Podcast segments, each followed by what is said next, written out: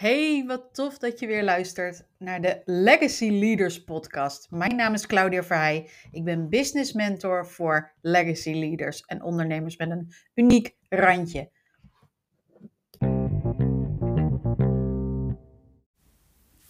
Hey, hallo, wat leuk dat je weer luistert naar de Legacy Leaders podcast. En ja, nou was het dus zo. Ehm, deze podcast neem ik op op donderdag 15 februari. Maar hij was eigenlijk bedoeld voor woensdag 14 februari, Valentijnsdag. En ik had een fantastisch leuke podcast voor je klaargezet, die ik dus nu opnieuw voor je ga opnemen. Want wat er ook gebeurd is, I don't. Ik heb, ik heb geen flauw idee. Ik had hem netjes voor je ingepland op Valentijnsdag. Want op Valentijnsdag is mijn, uh, mijn jongste jarig. En um, uh, zoals je misschien in mijn stories hebt gezien uh, gisteren, die is dan ook echt jarig, jarig. En had natuurlijk gisteren een korte dag op school. Dus dan heb ik maar een paar uurtjes om wat, um, wat, wat dingetjes te doen um, qua werk. En daarna is het gewoon vol-on entertainment van de jarige Job. De rest van de dag. Dus heel veel tijd had ik gisteren niet, zeg maar, om een nieuwe podcast voor je op te nemen. Dus ik dacht slim te zijn. Ik neem hem uh, de dag van tevoren voor, uh, voor je op. Maar er is iets misgegaan met inplannen of publiceren. De podcast is gewoon verdwenen. Dus neem ik hem vandaag even opnieuw voor je, voor je op. Hij is niet online gekomen. Neem ik hem vandaag even opnieuw voor je op. Want het is een te leuk onderwerp om te skippen. En dat is namelijk um, een liefdesbrief schrijven aan je klant. Ja, hij was echt in Valentijns thema. En uh, wat bedoel ik met een liefdesbrief uh, schrijven aan je klant? Ik denk dat er sowieso uh, dat marketing voor veel mensen, althans dat is wat ik veel terugkrijg van sommige mensen, dat we als het gaat om het doen van marketing, dus nieuwsbrieven schrijven, content maken. Uh, podcast opnemen, zoals deze. Um, de, nou ja, gewoon alles wat, uh, wat je maar doet, video's opnemen, alles wat je maar doet om um, jouw boodschap, in jouw visie, zeg maar, in jouw kennis en jouw expertise voor, voor de bühne te krijgen bij de juiste, bij de juiste doelgroep. Dat we nogal geneigd zijn, en dat is natuurlijk ook logisch, dat moet voor een deel ook, maar dat we nogal geneigd zijn om dat heel strategisch aan te vliegen en daardoor te uh, beschouwen als een moedje. Hè? Van ik moet van mezelf um, zo vaak per week um, uh, zichtbaar zijn met een post of met een reel. Of ik moet van mezelf iedere dag uh, iets waardevols delen in mijn stories. Of ik moet van mezelf twee, drie podcasts in de week opnemen. Of ik moet iedere week een nieuwsbrief sturen. Nou, je hoort het al aan de manier waarop ik het zeg. Er zit vaak een, een, een gevoel van verplichting aan. En um, hoeveel inspiratie of je ook hebt, als dit gevoel bestaat bij uh, het merendeel wat je aan marketing doet, hè, dus dat je het voornamelijk ziet en ervaart als een moetje, zeg maar als iets wat je gewoon moet afvinken, want dat hoort nou eenmaal bij je werk. En um, uh, dus het moet afgevinkt worden op je takenlijstje. Dan um, kan het gebeuren dat er zo'n um, sleets gevoel ook zeg maar, in je marketing sluipt. Zeg maar dat je um, op een gegeven moment alleen maar dingen deelt die inderdaad hoog in de kennis zitten. Zeg maar, of um, hoog in het confronterende. Hè, en dat stuk van ja, maar dit is wat er nu bij jou misgaat. Zeg maar, of dit is wat je nu niet handig doet. Om zodoende, hè, om jouw potentiële klant te wijzen op. Uh, datgene wat er nu een probleem is in hun leven of in hun business. Um, en waar jij ze dan vervolgens mee kunt helpen om dat probleem op te lossen. Of om dat probleem te fixen. En uh, er zit dus vrij, en dat is, um, de, ik zeg niet dat je dat niet mag doen. Uh, sterker nog, ik vind dat je dat moet doen ook in je, uh, in je content. Ik denk dat je je ideale klant te wijzen hebt in je content in het gat wat er bestaat of wat er is ontstaan in de situatie waarin ze nu zitten en de situatie waarin ze graag willen zijn. Op het moment dat je dat gat, zeg maar, of die, hè, dat, dat, dat, dat ontbrekende stuk niet voor ze schetst, komen ze namelijk ook niet voldoende in beweging om met dat gat, zeg maar, of met het vullen van dat gat of met het uh, slaan van de brug naar de situatie waar ze in willen zijn, komen ze niet voldoende in beweging om daarmee aan de slag te gaan. Uh, als jij dat gat niet ervaart of je er niet van bewust bent. Uh, als je helemaal niet weet dat dat gat er is, omdat niemand dat ooit tegen je aangehouden heeft of je met je blinde vlek heeft geconfronteerd, waarom zou je er dan wat mee doen tenslotte? Ja, dus, dus dat stuk. Dus ik vind dat dat echt een essentieel onderdeel is van je marketing. Maar op het moment dat jij um, uh, volledig zeg maar, vanuit strategisch opzicht altijd maar bezig bent zeg maar, om mensen te wijzen op dat gat zeg maar, en op de van A naar B. En het kan allemaal beter dan je het nu doet. Zeg maar, of er zit nog meer in het vat. Dus dat je continu zeg maar, op datgene wijst wat er nog te fixen is. Kan er voor jezelf ook een hele vervelende energie in het doen van je marketing gaan zitten. Van ja, ik ben de hele tijd ben ik mensen maar aan het wijzen op datgene wat er niet goed gaat.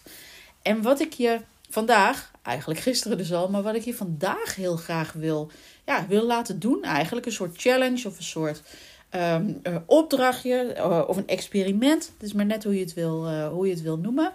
Wat ik je vandaag graag wil laten doen of waar ik je mee wil inspireren. Schrijf nou eens, of neem een keer een dag waarop je alleen maar content schrijft. Schrijf nou eens minimaal één stuk content, maar je zult merken op het moment dat je uh, dat je hiermee aan de slag bent. Dan wil je er misschien meer doen, omdat, zo, omdat je zo'n lekkere energie ervan komt. Maar schrijf nu eens een stuk of wat stukken content. En voor waar dat is, hè, voor welk gremium dat is, dat maakt niet zo heel erg veel uit. Kan het met LinkedIn doen, kan uh, er een volledige story aan wijden. Maak er een nieuwsbrief van, maak er een, uh, een carouselreel of een carousel van, of een, een toffe reel. Um, maar schrijf eens een paar stukken content waarbij je volledig... Um, ja, de diepte ingaat um, op dat gevoel van: hé, hey, wat vind ik jou eigenlijk leuk? En jou is dan um, je ideale klant. Wat vind je allemaal zo tof aan er? Waar ben je uh, trots op als je er dat ziet doen? Wat vind je schattig, bij wijze van spreken? Zeg maar, waar, uh, uh, waar raak je ontroerd door? Zeg maar, wat vind je inspirerend aan jouw ideale klant? maar wat, uh, welke dingen doet ze al fantastisch? Um, naast de, de probleempjes waar ze mogelijk mee zit. He, dus schrijven is een liefdesbrief aan je ideale klant. En dat kan, kan je in verschillende vormen doen. Je kan ervoor kiezen om een soort profiel te schetsen. Waarbij je um, hem insteekt op jij bent van het type dat. Zeg maar dat je allerlei krachtige en positieve persoonlijkheidskenmerken uh, beschrijft. Um, je kan dat doen in de vorm van een soort bedankje. En dat uh, doet het ook altijd leuk als je je. Um, uh, ik vind het ook altijd tof om te lezen, zeg maar ergens op een tijdlijn of in een story, dat mensen hun following bedanken, zeg maar dat ze altijd van die toffe reacties geven, zeg maar, of dat uh, je het tof vindt dat ze laten merken zeg maar, dat je waardevol voor ze bent. Zeg maar, of dat je überhaupt de support waardeert. Hè? Het, het, het volgen aan zich. Hè? Dus dat je ze bedankt voor de connectie. Zeg maar, en voor de waardevolle connectie ook. Ja, dat is een vorm waarin je het zou, uh, uh, zou, zou kunnen doen. En je kan het doen in de vorm van een echt een motiverende post of storyline.